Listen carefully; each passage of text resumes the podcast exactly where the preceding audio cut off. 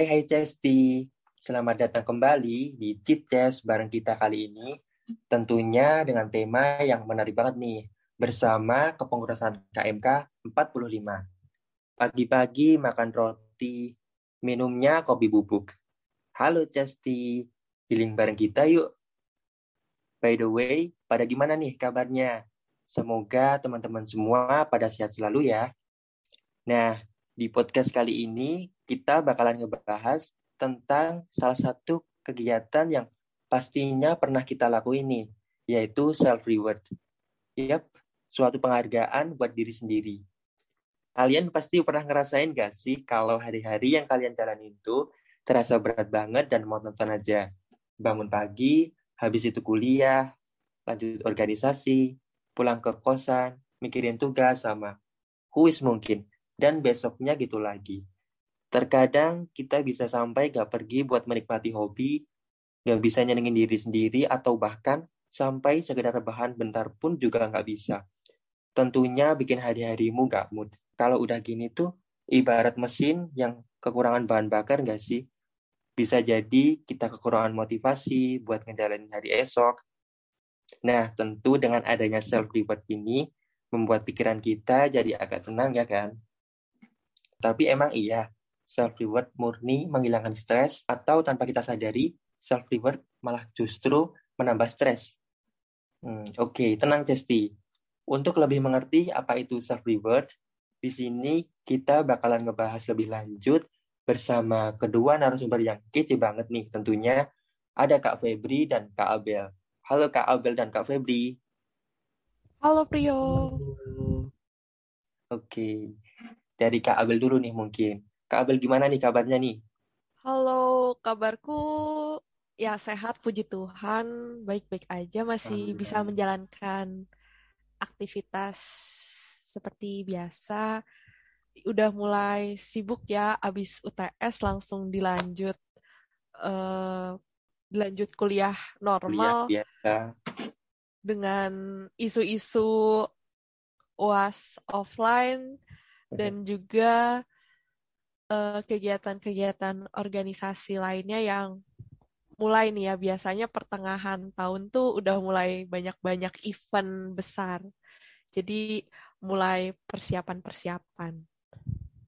Kalau sekarang Kak Abel lagi sibuk ngapain nih Kak? Kalau boleh tahu. Hmm. Kesibukan ya. Uh, yang seperti biasa ya kalau untuk sekretaris sendiri uh, ngurusin bagian persuratan, administrasi, terus kemarin masih mempersiapkan untuk forum sekretaris dan Google Classroom untuk Sekben itu masih perlu ngisi konten dan lain-lain. Terus untuk di organisasi lain ada kemarin mau ngadain event dan ada juga buat nyari ide konten dari sosial media. Kurang lebih seperti itu sih untuk organisasi dan perkuliahan. Sibuk banget kelihatannya ya. Kelihatannya sibuk banget. Kalau dari Kak Febri gimana nih Kak kabarnya Kak? Halo Kak Febri. Halo, halo, halo. Alhamdulillah sehat selalu dan masih hidup ya. Kalau kesibukannya lagi ngapain nih Kak? Kak Febri. Oke, mungkin untuk kesibukannya sendiri sama kayak Abel ya tadi. Jadi kayak uh, ini kan udah masuk pertengahan tahun ya. Itu otomatis event-event di masing-masing uh, organisasi baru uh, sedang panas-panasnya ya. Jadi mungkin yeah, yeah. lagi sibuk ngurusin itu sih. Sama mungkin ya tugas-tugas kuliah pada umumnya kayak gitu. Oke, nah sekarang lanjut aja nih ke hidangan utama kita yaitu self reward. Aku mau nanya dulu nih dari Kak Abel dulu. Menurut Kak Abel apa sih Kak self reward itu? Oke, self reward mungkin kita terjemahkan dulu aja ya kayak tadi di awal juga sempat disebutkan sama Prio. Jadi self reward kan kalau diterjemahkan itu adalah bentuk penghargaan buat diri sendiri. kalau aku sendiri sih mengartikan self reward itu sebagai ucapan terima kasih kepada diri sendiri yang telah berhasil melewati uh, semua rangkaian kegiatan atau aktivitas dan telah bertahan hingga di titik ini. Mungkin kurang lebih itu. Mungkin bisa dilanjut nih sama Febri ini. Mungkin ada tambahan terkait self reward. Oke, mungkin sama sih Bel kayak kamu. Jadi um, seperti uh, kalau diterjemahkan ke Indonesia ya. Jadi kalau self itu ya diri kita sendiri, kalau reward tuh semacam hadiah gitu. Kan. Hadiah. Iya, kayak gitu. Jadi kalau misalkan kita gabungin kata-katanya itu kan jadi hadiah buat diri kita sendiri gitu kan. Nah, hadiah atas apa sih? Nah, atas apa yang telah kita lakukan sebelumnya. Mungkin kayak gitu sih. Oke, keren banget nih jawaban dari Kak Abel sama Kak Febri. Jadi, reward itu bisa disimpulkan kayak semacam uh, apresiasi yang kita lakukan untuk diri kita sendiri gitu ya, Kak. Karena telah melakukan, telah menyelesaikan sesuatu yang hmm, mungkin berat atau ringan sama aja. Yang penting terselesaikan dengan baik gitu. Betul. Nah, setiap orang itu self rewardnya pasti beda-beda ya. Ada yang mantai, shopping, piknik, dan lain-lain. Kalau dari Kak Febri nih, mungkin boleh diceritain dong Kak pengalaman self reward yang paling wow atau mungkin kayak berkesan gitu Kak yang pernah Kak Febri lakuin. Oke, kalau ditanya soal soal pengalaman gitu sebenarnya nggak ada yang wow wow banget sih ya ya kayak manusia pada umumnya sih. Kayak misalkan um, mungkin kayak abis kerjain tugas kayak tugasnya banyak gitu kan sepuluh tumpuk gitu kan nah itu um, mungkin abis kerjain bisa kayak nonton anime gitu kan karena kebetulan aku suka uh, film-film uh, kayak dari animasi Jepang gitu kan misalkan anime gitu kan nah itu Um, aku juga suka sih. Ya, ya siapa sih yang nggak suka ya kan? ya gitu. Jadi kayak mungkin kayak gitu-gitu doang sih. Atau mungkin kalau kalau sekarang aku lebih suka ngabisin waktu sama Ayang sih. Yo, iya. Aduh. Kalau mungkin dari dari Abel ada cerita yang lebih wow lagi nih daripada aku nih. Oke, Kak Abel terpantau bucin ya teman saya yang satu ini. Ya dong, ya kali gak bucin. Eh, mohon maaf saya jomblo. Jadi sebagai jomblo ya, aduh jadi jadi sedih banget ya ini. Aduh, uh, sedih dong. Jadi ngenes gini ya. Self reward seorang seorang yang single. Oke, okay, biar lebih manis ya kata-katanya. Uh, mungkin beda-beda ya tergantung moodnya lagi pengen apa namanya cewek kan ya moodnya berubah-berubah tapi biasanya sih self reward uh, shopping. Tapi kan sebagai anak rantau sekarang agak beda ya dengan keadaan keuangan pada saat bersama orang tua. Jadi perlu banyak penghematan. Jadi mungkin sam, uh, kayak hal-hal kecil aja gitu kayak makan di luar sama teman kayak ngobrol bareng. Atau kalau untuk uh, diri sendiri mungkin tadi sama ya kayak Febri karena di kuliah ini aku teracuni dengan anime ya. Jadi nonton anime atau nonton film lainnya. Terus uh, karena aku suka baca juga, aku baca komik atau baca cerita-cerita lain. Banyak sih ya kalau untuk aku self rewardnya dan yang wow tuh nggak hmm, ada yang wow ya karena semuanya sama aja berarti ya biasa-biasa aja sih gak ya semuanya spesial pada waktunya ya pada yeah. pada uh, penempatannya tapi kalau misalnya paling wow gitu kayaknya nggak ada sih sama-sama aja Nah, tadi kan itu untuk self reward aku dan Febri nih. Kalau dari Prio sendiri, ada kira-kira self reward apa sih yang suka Prio lakuin? Hmm, kalau aku nggak banyak sih, palingan cuma nongkrong sama teman. Kalau nggak aku tuh seneng banget nongkrong sendirian di tempat yang sunyi, tapi yang nggak sunyi-sunyi banget sih. ya ada orang tapi itu nggak banyak orang gitu loh nggak ada keramaian gitu sambil minum kopi kalau di kalau pas di rumah sih rewardnya palingan main gitar sih kalau di sini kan nggak nggak bawa gitar jadinya palingan cuma nongkrong gitu gitu syahdu banget ya udah kayak anak-anak indie tinggal tulis Anak indie. puisi atau lirik lagu gitu Ya, Bisa jadi sih, Prio. lagu loh. Cobain iya deh. boleh boleh udah vibes-nya udah dapet tuh Prio kayaknya emang anak indie sih karena aku tuh seneng banget ngedengerin lagu di tempat-tempat yang gimana ya ya yang enak gitulah enak buat nongkrong terus buat dengerin musik gitu dan suka juga sih lagu-lagu indie sih seneng hmm, berkaitan dengan self reward eh self reward itu kan pasti dilakukan pada saat waktu tertentu ya kan kak nah menurut kak Abel kapan sih kak waktu yang tepat buat nge-self reward diri kita sendiri gitu Nah, betul banget sih kayak eh, banyak orang tuh biasanya. Tapi kembali lagi sih ke diri masing-masing kapan membutuhkan self reward itu. Kalau aku sendiri lebih prefer self reward itu biasanya di akhir setelah aku menyelesaikan tugas atau setelah aku mendapatkan sesuatu nih kayak hadiah nih buat eh, Abel yang telah bertahan menjalankan semua itu. Cuman ada juga sih kayak waktu di mana kayak aku ngerasa, duh kok nggak selesai-selesai sih, kayak atau kok ini udah capek tapi belum, belum selesai Kak, gitu iya belum selesai atau belum dapat apa-apa. Nah itu kayak aku biasanya lebih ke recharge energi ya kayak benar eh, break dulu, break dulu, terus ya biasanya istirahat sebentar Healing. atau healing atau cuman sekedar kayak jalan-jalan. Oh, ini ini agak lucu sih. Aku tuh kadang kalau misalnya lagi stres mau ujian, itu aku biasanya bersih-bersih. Biasanya aku agak aneh ya. Iya.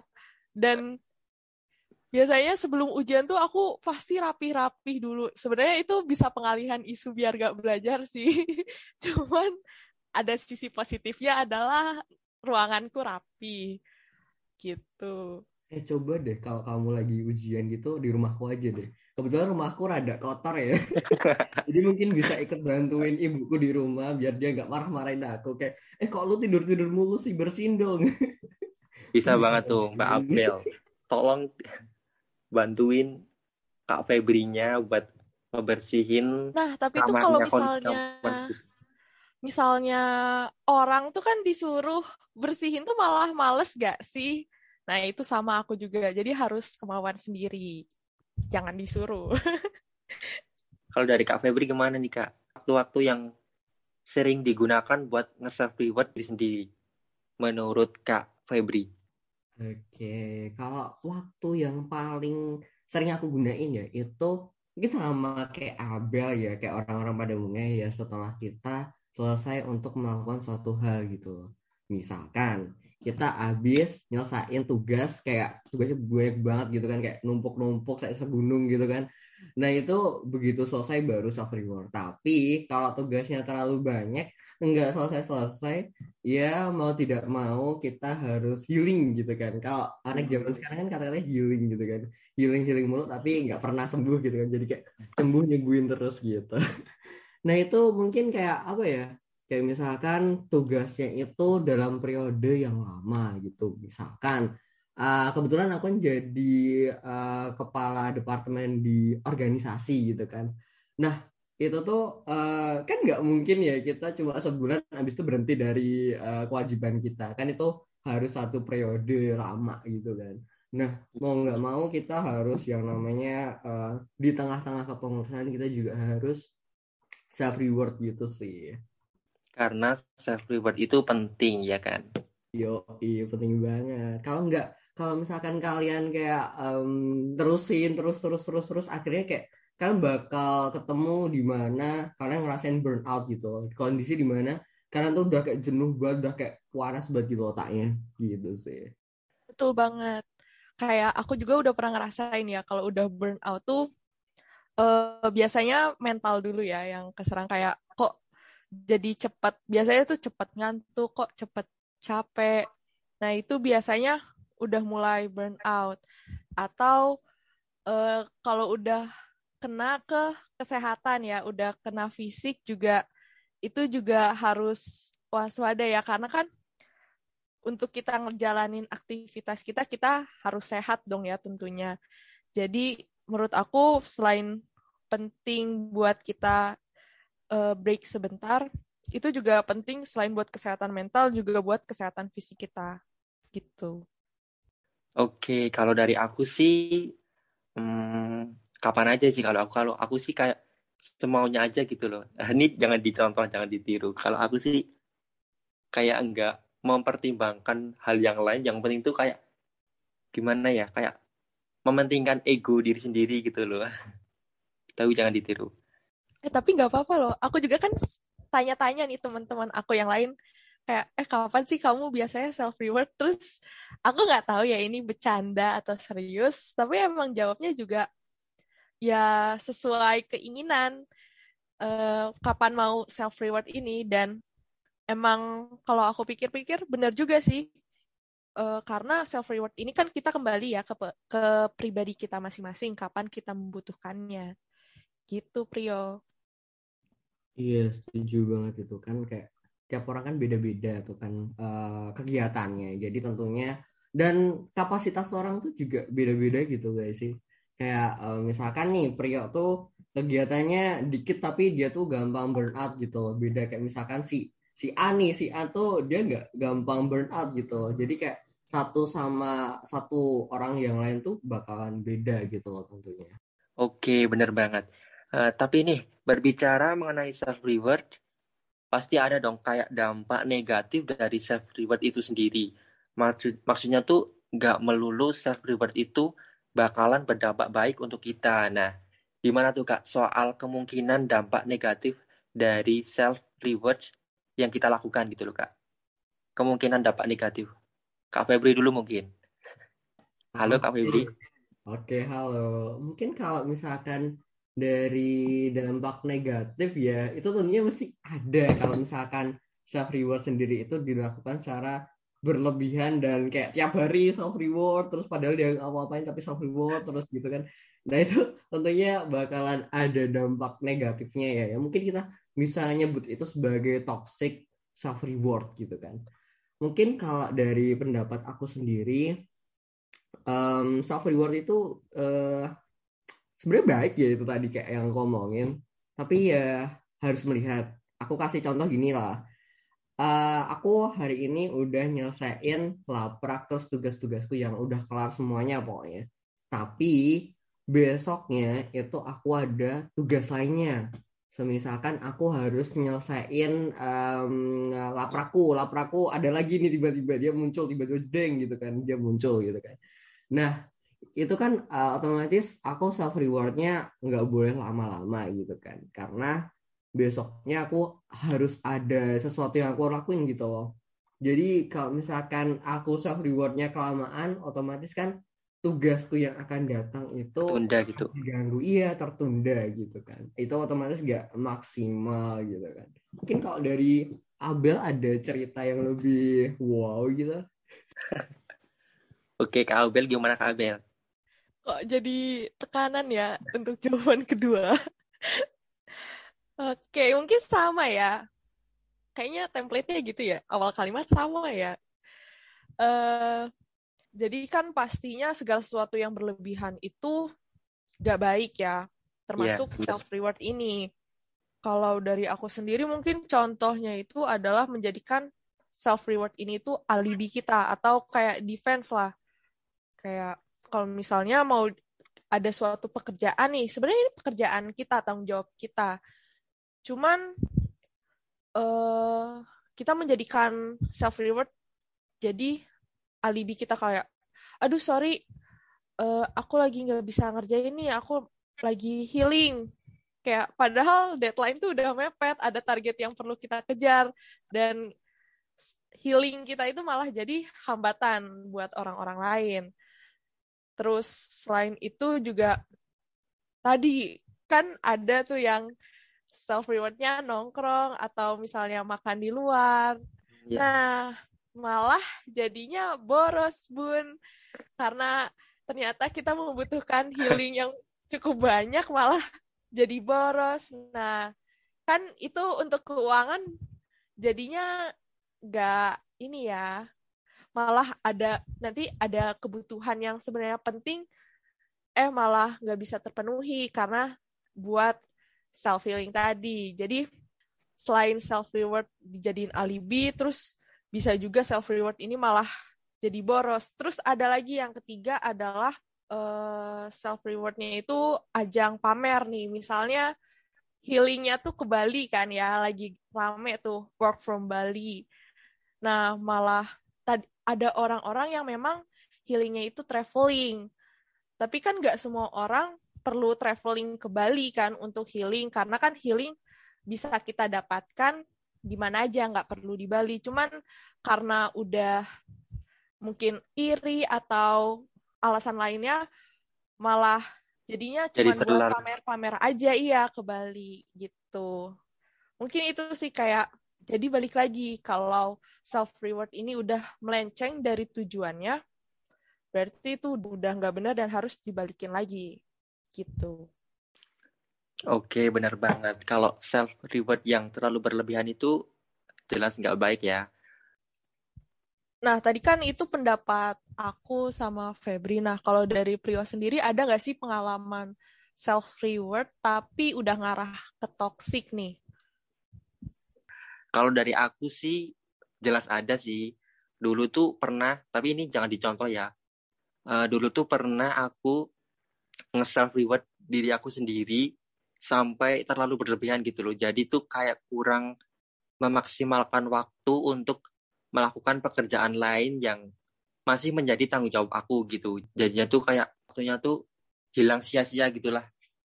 Ini kan soal itu ya, soal tugas lapra kan. Nah, aku kan terlalu banyak nge-self reward diri aku, diri aku sendiri jadinya kayak menyepelekan tugas-tugas yang seharusnya dikerjakan tapi malah nggak dikerjain gitu. Tapi sekarang udah enggak sih, kayak udah hmm, lebih bisa memprioritaskan segala sesuatu yang harus dilakuin dulu dan yang ya yang penting sama yang nggak penting gitulah. Gitu. Gimana ya? Gak apa-apa, yang penting kan diambil hikmahnya ya. Iya benar-benar banget. Kalau misalkan kemarin aku nggak kayak gitu mungkin malah belum bisa sebaik sekarang ya. Karena kan kita harus berani mengambil resiko gitu. Kalau dulu kan aku resikonya itu karena terlalu sering bisa dibilang nge-self reward ya. Nah, jadinya tuh kayak resikonya tuh kayak aku telat ngumpulin laprak atau mungkin ngerjain lapraknya tuh kayak uh, kurang maksimal gitulah. Nah, gitu. Nah, tapi kan sekarang tuh kayak banyak orang-orang yang ngelakuin toxic self reward. Nah, menurut Kak siapa ya? Menurut Kak Febri mungkin gimana sih Kak pendapatnya tentang toxic self reward atau contoh dari toxic self reward gitu Kak? Oke, tentang toxic self reward ya. Kalau um, mengenai gini lah, kita bicara baik atau buruk dulu kalau berbicara tentang self reward itu sebenarnya baik, tapi kalau udah mengarah ke toxic itu kan seharusnya kurang baik ya. Nah, salah satu contohnya mungkin udah dijelasin sebelumnya tentang uh, waktu ya, tentang waktu. Kayak misalkan besok udah ada deadline lagi, tapi kita masih self rewardkan diri gitu kan. Nah itu tentunya bahkan uh, bakalan kurang maksimal ya apa yang mau kita kerjain besoknya. Yang kedua, itu buat orang-orang yang suka untuk self reward dengan cara shopping kayak misalkan uh, buka Shopee nih, buka Shopee terus tiba-tiba ada produk baru muncul ceting langsung beli, langsung beli, langsung beli gitu kan. Bilangnya sih self reward ya, tapi menurutku sendiri itu kayak um, semi apa ya? semi agak gimana gitu loh. Soalnya gini lah. Tersesat gitu ya. iya gitu. Jadi kayak menurutku itu boros gak sih kalau kayak gitu terus kayak misalkan tadi kamu kan cerita tentang kalau kamu suka nongki gitu kan. Kayak misalkan setiap hari ini mesti nongki, kalau nggak nongki kayak gimana gitu kan. Nah itu kayak kalau itu tiap hari gitu kan itu tentunya kan boros tentunya uh, apalagi buat kita yang sebagai anak rantau nih ya itu kan tentunya kayak boros banget gak sih ntar kita gak bisa makan besoknya kan ya berabe ya kan bener bener terus kayak uh, kadang kalau uh, kita mau beli suatu produk gitu kan misalkan uh, tadi ada jaket A gitu kan jaket A muncul sering gitu kan kita beli. Tapi kita mikir nih beli nggak ya? Setelah tapi takutnya gini loh kayak misalkan kalau kita beli ini waktu kita sampai barang itu sampai ke kita itu tuh kurang bagus gitu loh. Jadi kayak nyesel lagi jadi kayak nggak self reward dong kalau kayak gitu jadinya oke kalau dari kak Abel gimana kak? Contoh lain dari toxic self reward mungkin ada atau sama kayak pendapatnya kak Febri? Toxic self reward tuh mungkin tadi contohnya udah aku sebutin beberapa ya di pertanyaan sebelumnya.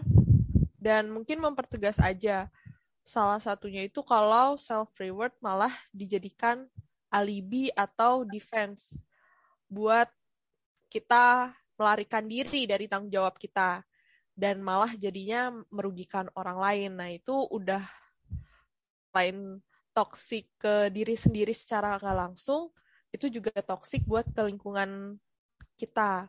Terus contoh lain itu mungkin sama ya kayak Febri di mana timingnya nggak tepat nih kayak pekerjaan pekerjaan dan kesibukan kan pasti datang terus menerus ya kayak tugas itu kan selesai satu tumbuh seribu benar banget benar banget laprak juga baru diselesain eh udah praktikum lagi ya kapan nih self rewardnya ya kita pintar-pintar ngambil waktu di sela-sela kesibukan kita, tapi jangan sampai malah menghambat pekerjaan kita. Gitu. Jadi kalau yang udah toksik tuh berarti dia tidak bisa mem tidak bisa memilih waktu yang tepat untuk memberikan self reward karena kan self reward juga butuh waktu dan gak enak ya kalau self reward diburu-buru kayak tadinya kita cuma mau santai-santai rebahan tapi kita waktu gitu santai-santai kita 30 menit aja aduh kan itu malah jadi tertekan gitu. Bener banget. Oh ya mau nambahin. Tadi yang terkait boros ya. Uh, kalau boros, ya apalagi sebagai anak rantau ya. Karena kebetulan aku di Jogja juga merantau dan pertama kalinya menjadi anak rantau. Dengan uh, dikasih uang saku kan kita harus mengatur ya buat apa-apa aja jangan sampai besok kita nggak makan atau di di akhir bulan seminggu makan indomie terus kan tidak sehat ya nanti malah nah, jadi penyakit. timbul betul malah timbul penyakit walaupun kita variasikan indominya dengan berbagai topping ya kan? Jadi um, kalau boros mungkin aku telah melewati fase boros itu mungkin ya mungkin. Karena sebagai anak rantau kayak ternyata kebutuhan itu banyak kan? Karena kan kalau kita tinggal sama orang tua kayak makan udah disiapin kita paling mikirin ya mau jajan apa sih besok? Nah sedangkan kalau anak rantau kita mesti mikirin besok kita makan apa? Terus transport gimana? Atau kebutuhan-kebutuhan kuliah lain? Jadi kok ini malah jadinya solusi ya? Tapi ya itu contoh toksiknya itu ya boros cuman harus di overcome ya. Iya iya oke jadi self reward itu sebenarnya bermanfaat banget ya buat diri kita sendiri tapi balik lagi eh, bagaimana kita menjalaninya gitu. Betul. Berarti buat teman-teman Cesti harus benar-benar paham nih mana self reward yang baik dan self reward yang nggak baik gitu untuk dilakukan. Nah berkaitan dengan toxic self reward, gimana sih kak solusi yang tepat untuk mengatasi toxic tersebut untuk diri sendiri gitu kak, biar nggak terjerumus ke jalan yang salah gitu. Kak Abel? Oke, kalau solusinya ya, yang paling pertama sih kesadaran diri ya. Kalau dari aku, karena mau gimana pun juga kalau kita kan udah dewasa ya, kalau yeah. dinasehatin orang pastilah kayak ih apaan sih? Apalagi kalau misalnya uh, gak dekat atau orang tua juga kadang kita nasehatnya suka kita ah iya gitu, cuman gitu doang. Nah, yang paling utama sih kesadaran diri kalau self reward yang kita lakuin tuh udah mengarah ke toxic jadi kesadaran diri kayak misalnya udah terlalu boros atau malah mengganggu pekerjaan. Nah, dari kesadaran diri itu kita bisa uh, mikirin nih langkah kita selanjutnya. Kalau misalnya boros, mungkin kita bisa lebih memanage keuangan. Terus kalau untuk yang alibi itu, apalagi terutama nih ya untuk yang alibi ya harus sadar diri kalau udah diberikan tanggung jawab, kita harus menjalankannya sebaik mungkin gitu.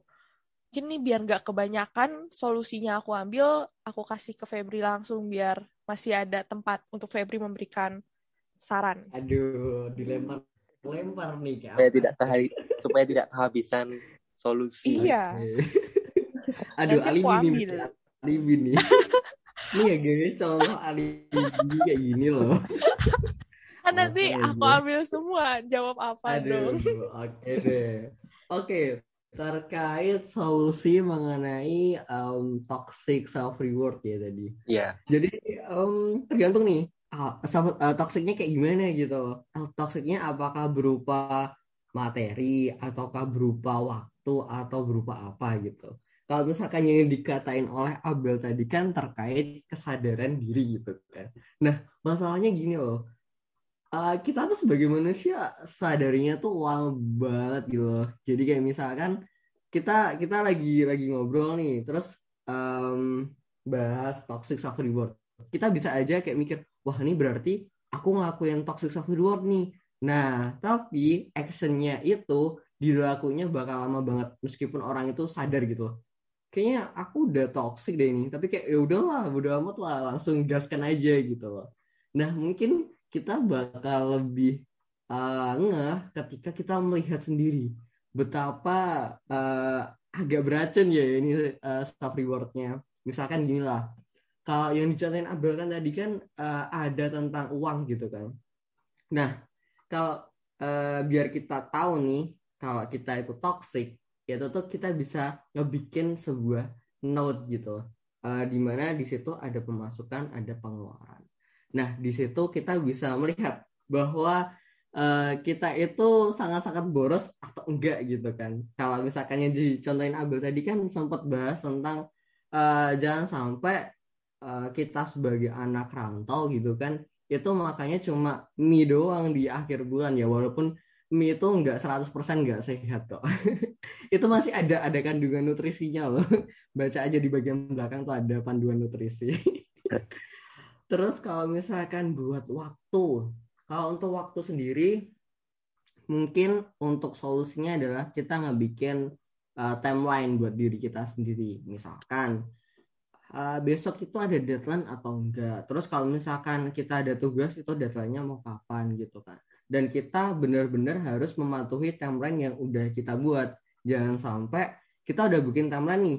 Hari Selasa itu ada deadline ini dan aku harus selesai mengerjakan tugas itu di hari Minggu gitu kan. Misalkan. Nah, itu harus benar-benar dipatuhi. Kalau enggak sama aja dong timelinenya enggak berfungsi. Kayak gitu. Terus apalagi ya? Um, mungkin kalau dari pria sendiri gimana? Oke, kalau menurut aku sih uh, pada intinya tergantung kita sendiri sih kayak bagaimana kita memanajemen waktu, terus memanajemen materi, uang. Nah, itu kemungkinan bisa menghindarkan kita dari perilaku toxic self reward gitu aja sih. Betul, karena balik lagi kan ya, segala sesuatu yang berlebihan tadi itu pasti akan berujung gak baik dan malah ngarah ke toksik walaupun tujuan awalnya itu baik gitu. Oke, mantep banget ya pembahasan kita pada hari ini. Jadi, intinya self-reward itu kayak semacam penghargaan untuk diri kita sendiri. Tetapi, ada self-reward yang nggak baik dan ada juga yang baik. Tergantung bagaimana kita menyikapinya. Oke, sip. Jadi, Cesti pasti udah lebih paham kan mengenai self-reward. Berhubung waktunya juga udah habis, aku juga ingin ngucapin terima kasih banyak buat narasumber kita kita dan juga para Cesti yang udah dengerin kita dari tadi sampai sekarang. Semoga teman-teman semua sehat selalu. Demikian Cites episode kali ini. Kami pamit dari ruang dengar Anda. Akhir kata, salam sehat selalu dan sampai jumpa di episode lainnya. Chit Chat, Chit Chat, let's chit with us ang chemistry podcast.